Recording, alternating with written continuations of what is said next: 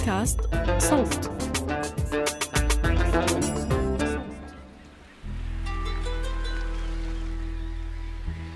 البحر هذا عالم ثاني. شو ما تشوف بالبحر ما شفتش شيء في شغلات يعني تقدر تقول اللي, اللي أنا شفتها غيري ما شافهاش. كان السمك بوفرة كبيرة موجود. كان السمك تشيل لما يطلع السمك تطلع عليه زي الفضة يبرق برق. هذه مهنته خلص ما بقدرش. الوقت الفلاح بيقدر يتنازل عن الأرض لا يمكن وإحنا نفس العملية. بحرنا بحر الأبيض المتوسط. سمكته بتختلف عن باقي السمك العادي بحب البحر لما يزوم وعشق صرخته في الريح وأحس في موجه شوق مكتوم. لناس حرة وحياة بصحيح. بحب البحر. اللي سمعناه أصوات صيادين من فلسطين.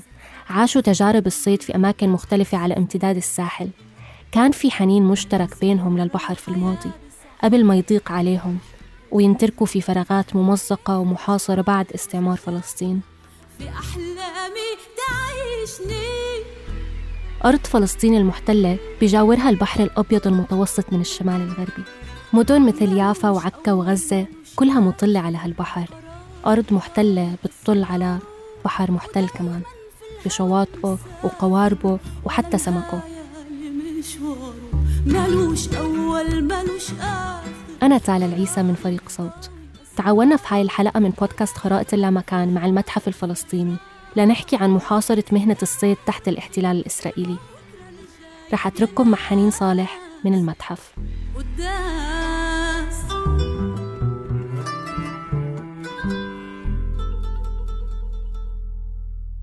دايما بنحكي عن لجوء الفلسطينيين واقتلاعهم من الأرض ومن المدينة ومن القرية بس مش كتير منفكر باقتلاع الفلسطينيين من البحر.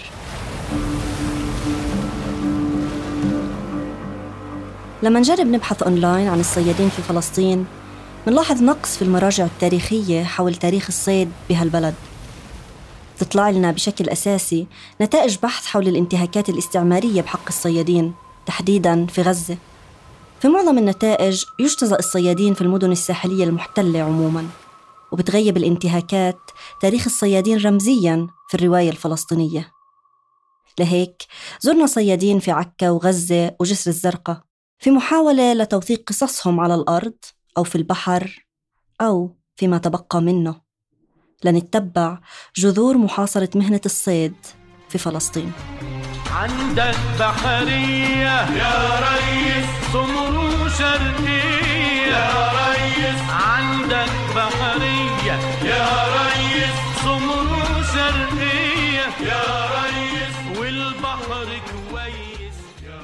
قبل ستين سنة خليل بياعة أبو بشير ابن مدينة عكا وقع بغرام مهنة الصيد.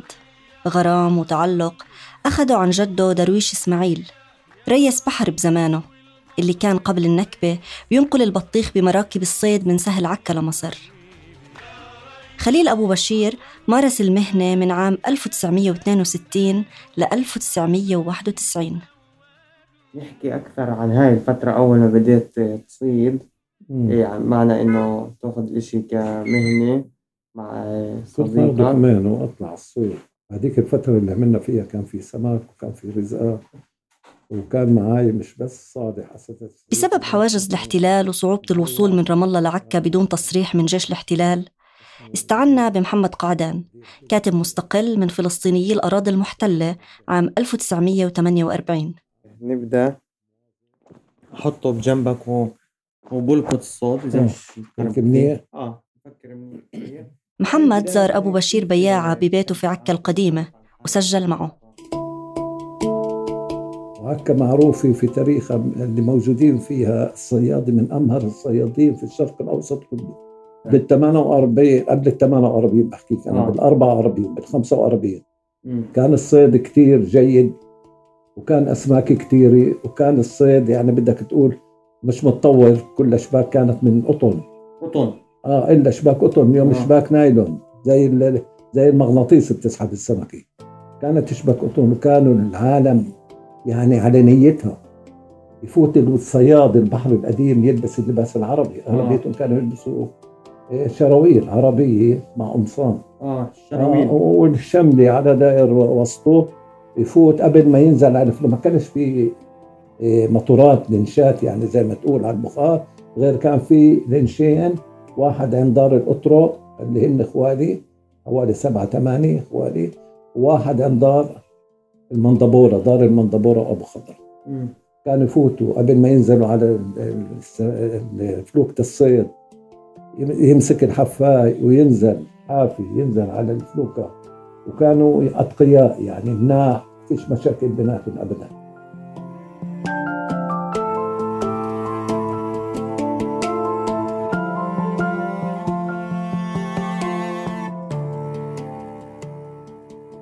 بعد احتلال العصابات الصهيونية لعكا عام 1948 وتهجير معظم سكانها بيحكي خليل إنه قلة من الفلسطينيين بقيوا في المدينة وما نزلوا على المينا لحوالي ست أشهر. بهالفترة في بداية الحكم العسكري الإسرائيلي سلطات الاحتلال ما كانت تعرف بالصيد في عكا وبحرها فاضطروا يطلبوا من صيادين فلسطينيين يصيدوا سمك من مينا عكا. وحتى أعطوا تسهيلات للعودة لبعض الصيادين اللي سبق وهجروا من المدينة ولجأوا لدول الجوار زي لبنان. بيروي أبو بشير إنه جزء منهم رجعوا فعلا بس ما تحملوا قسوة الحياة تحت الحكم العسكري فقرروا اللجوء مرة تانية. آه يعني جابوهن مشان جابوهم مشان يشتغلوا بالبحر. في هاي الفترة كان في حاكم عسكري اسمه إسرائيل. طلب صيادين هو بواسطة صيادين كان خالي خميس هون وخالي محمود الأطرق قال له بدنا صيادين بدنا إحنا بحاجة ل... لأسماك. آه جابوا بط... اجى عن طريق البحر اجى بيطلع 20 صياد. ما عجبنيش الوضع ضلهم هربانين بقي منهم كم عيلة لسه موجودين هون والباقي رجع على لبنان.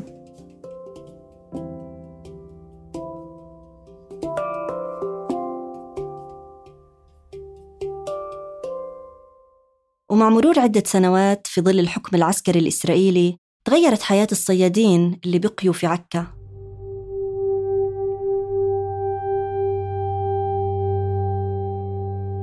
لحد بداية السبعينات اعتمدت أكثر من نصف العائلات الباقية في عكا على الصيد. هذا العدد انخفض تدريجيا اليوم ليوصل للعشرات بفعل تضييقات الاحتلال. كان هناك الصيد بدائي مش زي اليوم. اليوم الصيد غير شكل اليوم الصيد في عندك آه، كله على الأجهزة. في عندك السونار في عندك أجهزة بتقيس المي تعرف نوع الأرض تعرف المسافات كله. هاي موجود اليوم والصيد اتطور كتير اليوم مع الأسف. مع الأسف أيضا الصيادين الفلسطينيين مش مستفيدين من هذا التطور. الاحتلال الإسرائيلي اليوم بيمنع الصيادين في عكا من استخدام أدوات الصيد اللي مسموح لشركات الصيد الإسرائيلية تستخدمها. مثل الأقفاص الحديدية اللي بتنوضع في البحر لتجميع الأسماك وصيدها. وهاي بس أحد أشكال التضييق الممنهج اللي عم بتحاصر مهنة الصيد وبتقلل أعداد ممتهنيها بين أهالي الساحل الفلسطيني. المهم أحوال الصيد إسا في الوقت الحاضر عدم. البحر بالكاد يطلع معاشه مصروفه وهلا إسا بعدهم. آه. آه. و- والوضع فيش يعني إسا إسا بتقدرش تقول في مينا مينا صيد زي ما كانت أول إسا المينا تحولت لسياحة. خربوه من الضيق ضيقوا عليهم هم ممنوع هم ممنوع هم مخالفين هون جزء هون يعني عموا قلبهم للصيادين دلهم شوي شوي شوي لحتى أخذوا المينا. المينا الصيادين أصبحت مينا سياحية اللي موجودة فيها المارينا والصيادين صاروا ينعدوا على الأصابع من بعد ما كانوا فوق المية.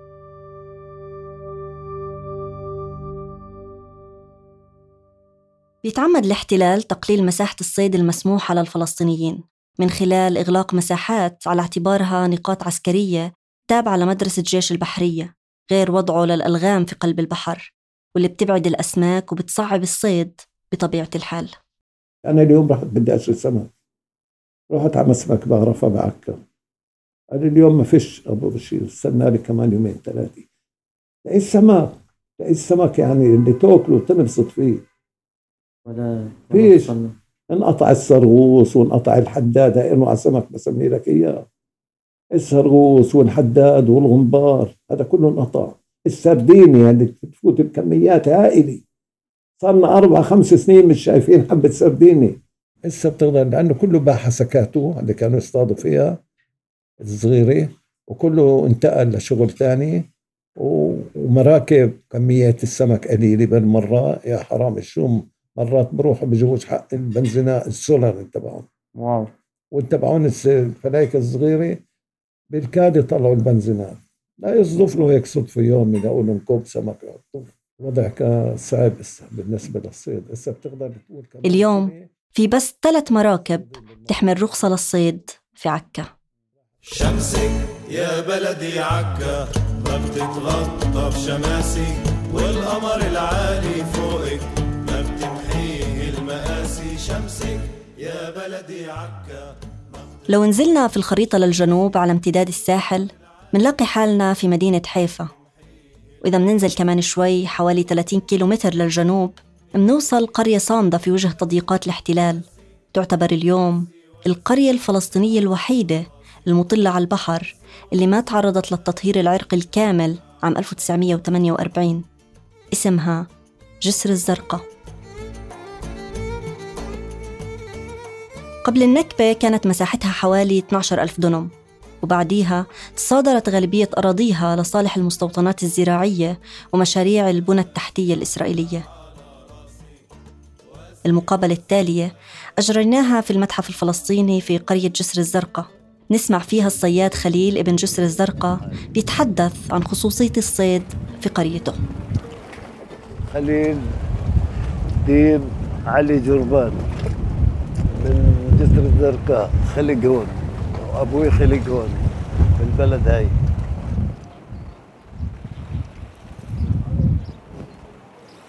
أنا والله على البحر وأنا عمري 12 سنة.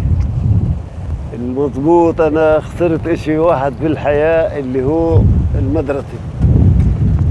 فضلت البحر عن المدرسة. كنت أهرب وما اروحش على المدرسة أجي على البحر.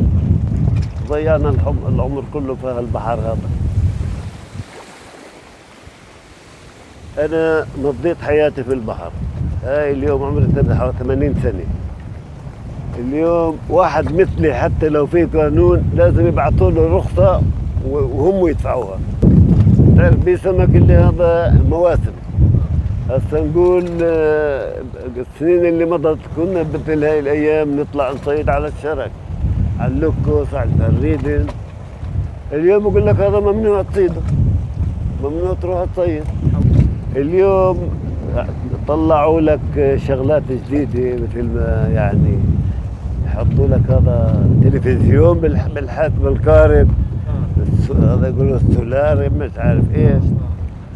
ومشان يكشف لك وين تصيد وين تروح وين شو نوع السمك.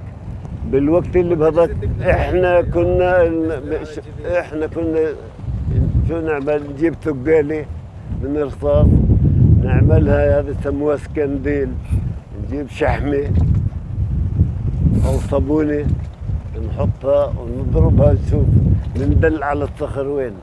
بعد مع الوقت صرنا يعني نعرف وين الصخرات اللي بالبحر بدون تلفزيون. قديش المية غمقها بدون هاي الشغلات كلها. يعني نعرف صرنا نعرف البحر مثل ما نعرف بيوتنا.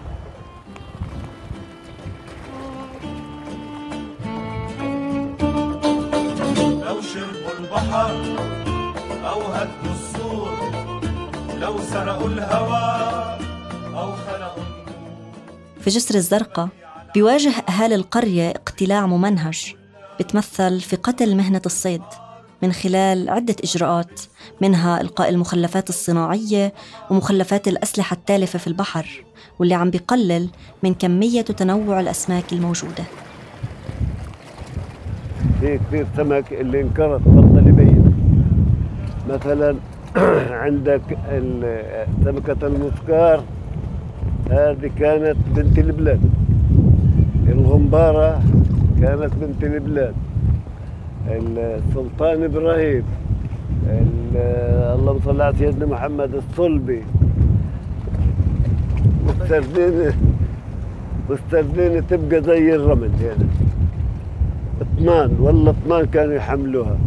حتى لما واحد من البلد يعني الصيادين ينزل يقول في سردينه أكثر الناس بالبلد ينزلوا مشان ياخذوا سردين. إيش بلاش يعني. آه.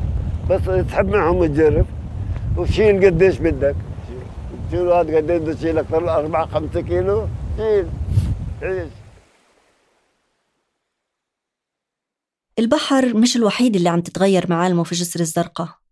الأرض كمان بطلت تشبه حالها خاصة بعد ما اكتشف حقل لافيتان للغاز الطبيعي عام 2017 على بعد 10 كيلومترات فقط من القرية. سكان القرية عم يلاحظوا في السنوات الأخيرة ازدياد أعداد الإصابة بالسرطان نتيجة انبعاث مواد مسرطنة من المشروع. كل شيء بدلوه كل شيء اتغير اليوم انظر على بلدنا محاصرة من كل النواحي يعني من شرقة من غربة من شمال من طيب من ناحية القبلية ما شفت شو حطوا لنا جدار فاصل بيننا وبينهم. من غاد حطوا لنا الشارع السريع هذا على البلد. ظلت هاي النتفة اللي من البلد للب... لهنا للبحر لحد اليوم. يعني أهل البلد مش قادرين يعملوا بها ولا شيء. اليوم اطلع أنت بعد ما كانت بإيد البلد صارت بإيديهم. في في مشروع بس هذا مش لل- مش للبلد مخططين لأصحاب المصاري. لما هي الدولة نفسها أجت علينا مش إحنا اللي جينا عليها. إحنا هنا موجودين قبل الدولة. إحنا موجودين قبل الإنجليز. وعلى الشط شو ضل؟ قفش الا جسر الزرقاء عندك آه، بدي أقول الطنطورة. الطنطورة شو بيها؟ شباب من الفراديس مش من الطنطورة. مش من أهل الطنطورة. مثلا كساريا ما بيهاش ولا واحد. يافا بها كم من واحد هناك ويا ريت إنهم شايفين عيشة هنية معهم مغلبينهم. نفس الشيء. بدهم يمحوها. هم يحاولوا انهم يمحوها. بدهم مش البلد تتحرك أكثر تتوسع أكثر بدهم يخلطوا عليها. واليوم اطلع شو عملوا؟ هاي من هين سكروها هذيك سكروها خلوش لنا شيء إنه ما يكفيش إنه بس الصيادين اللي ينهضوا ويقوموا ويقولوا هاي المطرح إحنا ما نفرطش بيها. لازم يلاقوا ناس تقف معهم.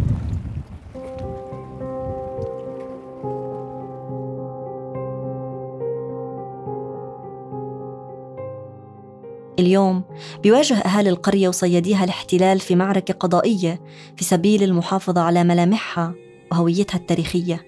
خصوصا أنه ما تعرف بسلطة الطبيعة رصدت ميزانية بقيمة 22 مليون شيكل يعني ما يقارب 7 مليون دولار لتطوير المينا.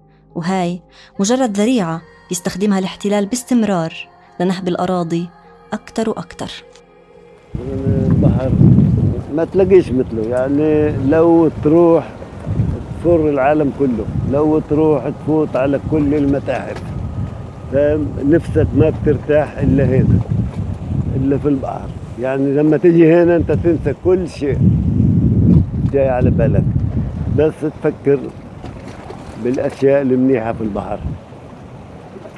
شو البحر؟ بس فيش مثل البحر.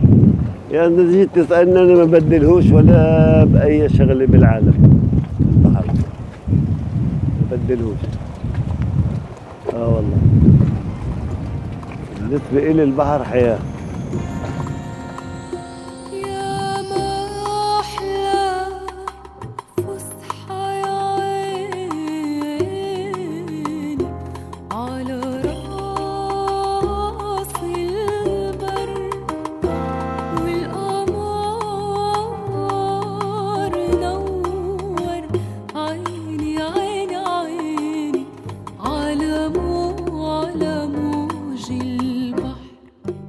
لو نطلع من شمال الساحل الفلسطيني في عكا وحيفا وننزل لأقصى جنوب الساحل منلاقي حالنا في غزة المحاصرة من عام 2007 وعلى الرغم من إرث مهنة الصيد الطويل في أغلب مدن الساحل وقراه إلا أنه غزة بتختلف عن غيرها نتيجة لتحولات اجتماعية وسياسية جذرية شهدتها.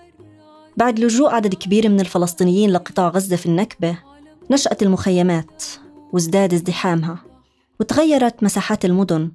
وأطبق الحصار عليها وعلى صيادينها. في غزة بتاخد تضييقات الاحتلال على الصيادين بعد آخر. تتوالى أخبار الصيادين في غزة باستمرار. في أذار عام 2021 استشهد ثلاث صيادين قبالة شاطئ غزة بعد سقوط قذيفة إسرائيلية على مركبهم. انطوى هذا الخبر. تلته أخبار أخرى عن قرار الاحتلال تقليص مساحة الصيد في غزة لست أميال بحرية. ومصادرة مراكب الصيد. واستهداف صيادين آخرين اقتربوا من الحدود المسموحة للصيد. ما بين تتابع هاي الأخبار في قصص كتيرة تروي يوميات صيادين غزة. هواجسهم وذكرياتهم وعلاقتهم المركبة مع البحر. في اصابات بتصير اصابات ماتوا بيجي أكثر من 20 واحد. ماتوا بيجي 20 واحد. أنا ابن ابن استشهد ابن عمي برضك استشهد طخوا اليهود في البحر. يعني اليهود ما عليهمش رباط يعني. عمرهم؟ هذا صوت الصياد محمد أبو ريالة من غزة. لاجئ من بلدة حمام المهجرة. بيسكن مع عائلته في منطقة البلاخية شمال غرب مدينة غزة. على بعد 250 متر عن البحر. محمد عرفنا على ابنه ماجد اللي امتهن مهنة الصيد هو كمان من عمر 8 شو سنين اللي خلاك أنت تيجي تشتغل في مهنة الصيد؟ بداية ما انت دخول أي حدا من خارج قطاع غزة صعب جدا مع بعض الاستثناءات. عشان هيك استعنا بالصحفي سالم الريس من غزة ليسجل مع الصياد محمد وابنه ماجد. كنت أشتغل كل شيء يعني أنا من عشر سنين كنت ريس. كنت أتحمل مسؤولية وأنا عمري عشر سنين. أخذ السفينة وأطلع فيها وأخذ عمال وأسرح معاهم وأسرح معهم أنا المسؤول عنهم. وأنا عمري عشر سنين. ويعني حياتي كلها تعب. أقسم بالله يمكن في. من بقول لك من 8 سنين لليوم وأنا الحمد لله بأسرح وبروح وباجي والحمد لله. ومستورة. ليش اخترت مهنة الصيد؟ أبوي وراثه جدي. جدي بقى صياد وأبوي صياد وعمي صياد وعمي صياد وعمي صياد. آه، كلهم صيادين. يعني ما فيش حدا طلع مش صياد. لو واحد طلع مش صياد ممكن أقول لك. بس كل العيلة عندنا صيادين. من سيدي وعمامي كلهم صيادين. أولاد عمي أولاد أولاد عمي برضه صيادين. حياتنا كلها في البحر. إحنا بالنسبة لنا ضربوا ريانا يمكن من مؤسسين الصيد. كان الصيد من أهم مصادر الدخل للعائلة الغزية خلال سنوات الخمسينات حتى التسعينات. شهدت هاي الفترة وفرة وانتعاش في قطاع الصيد. والصيادين كان مسموح لهم يدخلوا بعمق البحر لحد 90 ميل بحري. عام 1993 نصت اتفاقية أوسلو على إتاحة 20 ميل بحري للصيد يعني 10% فقط من الحد المسموح فيه دولياً بناء على ميثاق الأمم المتحدة لقانون البحر. وبعد فوز حركة حماس بالانتخابات التشريعية عام 2006 ووقوع الانقسام الفلسطيني ومن ثم سيطرة الحركة على قطاع غزة قلص الاحتلال الإسرائيلي هالمساحة لست أميال بحرية فقط. وبعد العدوان الإسرائيلي على غزة في أواخر 2008 وبداية 2009 قلص الاحتلال مساحة الصيد لثلاث أميال بحرية فقط ورجعه لست أميال في أواخر 2012 وبين الفترة والتانية تنقص هاي المساحة أو بتزيد وفقاً للتقلبات السياسية أو حسب مزاج سلطات الاحتلال. يعني أما اليهود إذا بدهم يسكروا خلص بيسكروا. اليهود فيش حدا بيمنعهم. وبعدين أنت عارف ملناش بحر. البحر لليهود والحدود لليهود والمصريين. ما حدش له شيء الفلسطينيين ما لهمش شيء في البحر. تتجلى التضييقات على الصيادين الغزيين كمان في قدرة الاحتلال على منع المعدات اللازمة للصيد أو لإصلاح وبناء القوارب من الدخول لقطاع غزة. بيضطر الصيادين لمحاولة تصليح المحركات والشباك بعد تعطلها بدل ما يجيبوا بدالها. بالنتيجة يتوقع إنه 60% من القوارب في غزة مش رح تكون صالحة للعمل خلال السنوات القادمة.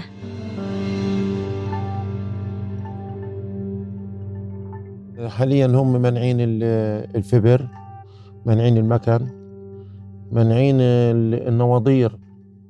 بدل الغطاسي البواريد الصيد بواريد الصيد منعينهن وفي كتير يعني حاجات أنا ما بقدرش أقول لك السلك اللي زي السلك اللي من الصيد فيه يعني بحطوا له الونش منعينه. في حاجات كتير يعني مانعين كمان المواتير الكبار يمرقن حتى ال 400 حصان بقى زمان يجيبوا اللي زي القدو اللي زي هذول يجيبوا مواتير للأنشات عندهم. الكيت برضه مانعين بتنسيق و100 واسطة لما بمرقوا موتور هذا كله غير استهداف الصيادين مباشرة. في السنوات الأخيرة اعتقل الاحتلال 113 صياد وصادر حوالي 28 قارب وقتل ثلاث صيادين. وفي النصف الأول فقط من عام 2020 أطلق الاحتلال النار 171 مرة على الصيادين في غزة يعني أثناء أدائهم لعملهم. هاي الأرقام مش بسيطة أبداً. نظراً للانخفاض في أعداد الصيادين الغزيين. من 10 ألاف صياد عام 2000 ل 3500 صياد مسجل عام 2019 أنا كثير تعرضت للإس- للإسرائيليين. كثير مش مرة عدة مرات. والله حط الصاروخ جنبي زي متر نزل الصاروخ تبع الدبورة. وقال لي الصاروخ اجى علي بعد ما طخ الصاروخ اللي بقول لي الصاروخ الثاني فيك روح روح. والله يخليني أروح وقطعت ورحت روحت رخيت الغزل. يوميتها ب 6000 شيكل راح. طب ليش؟ خلا هو بده هيك. عشان خشيت الحدود الإسرائيلية. قلطت الواحة يوميت هذه منطقة الواحة ما هي الحدود هلقي. هم شجعني أنا بقى الوضع ما ما هم بيشتغلوا على هوا البر برضو اليهود. يعني صار إشي في البر ممكن ينتقموا يعني في من البحر. يوم ما استشهد ابن أخوي برضو نفس القصة صار إشي في البر راحوا طخوا ابن أخوي واقف. ولا حامل سلاح ولا إشي طخوه في راسه. الاحتلال مش الوحيد اللي بيضيق على الصيادين الغزيين. في أيلول عام 2020 لما حاولوا يقاوموا القيود الإسرائيلية بأنهم يصيدوا أقرب من المياه الإقليمية المصرية ودخلت مجموعة من القوارب مسافة صغيرة داخل مصر البحرية هجمتها قوارب البحرية المصرية. هذا غير منع الجانب المصري من دخول المواد اللازمة للصيد بالتوازي مع تضييق الاحتلال على الصيادين الغزيين. هدي يا بحر هدي طولنا بغيبتنا ودي سلامي ودي للأرض اللي ربتنا.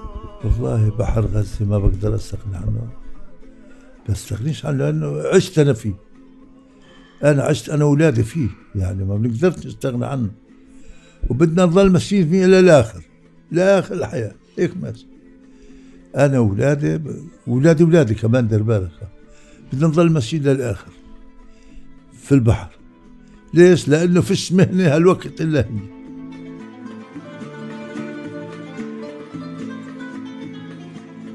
برغم قساوة مشهد الصيد بغزة ما توقف ماجد عن مشواره اليومي باتجاه البحر من أكثر من 30 سنة. والله إحنا ما إلنا ميعاد للصيادة ممكن تكون نايم يجيك تلفون يقول لك في سمك نطلع. ممكن يتصل عليك الصبح الساعة 6 يقول لك نطلع. إحنا عادتنا بنطلع 6 خمسة الصبح خمسة ونص الصبح عادتنا هاد أما في أيام بنيجي من في الليل المغرب بعد العصر يعني ملناش ميعاد ميعاد ثابت ما فيش للصياد.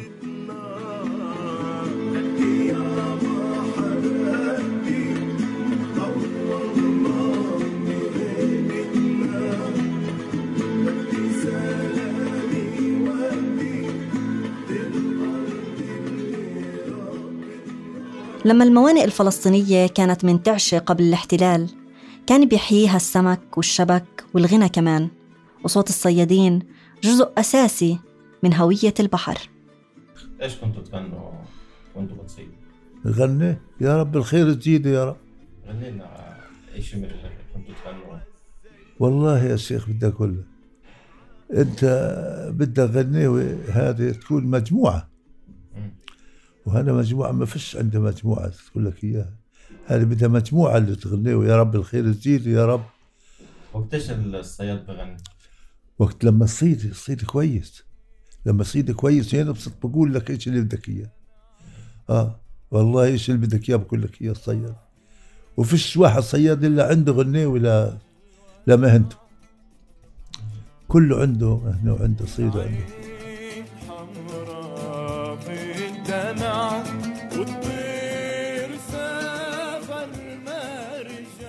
حضور الصياد الفلسطيني في فراغات ممزقة ومحاصرة بسبب الاحتلال ومنافسته لآليات الصيد الحديثة تخلق بالتأكيد واقع مهم فهمه.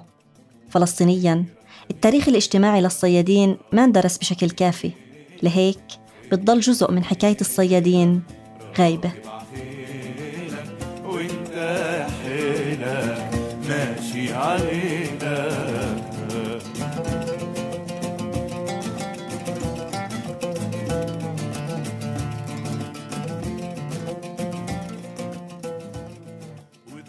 هاي الحلقة من إنتاج صوت بالتعاون مع المتحف الفلسطيني. ضمن البرنامج المعرفي للمتحف المرافق لمعرضه بلد وحده البحر محطات من تاريخ الساحل الفلسطيني. استندت هاي الحلقة على روايات صيادين ضمن تركيب فني في المعرض للباحث أشرف حمدان.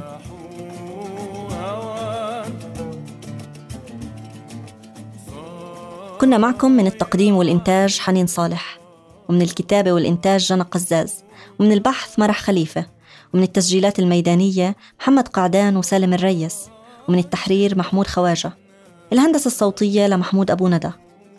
شكر خاص للباحث والموسيقي إلياس مرجية وللورا صايج من دائرة الإعلام في جامعة بير زيت وللصيادين اللي شاركونا تجاربهم على امتداد الساحل الفلسطيني. سلامات.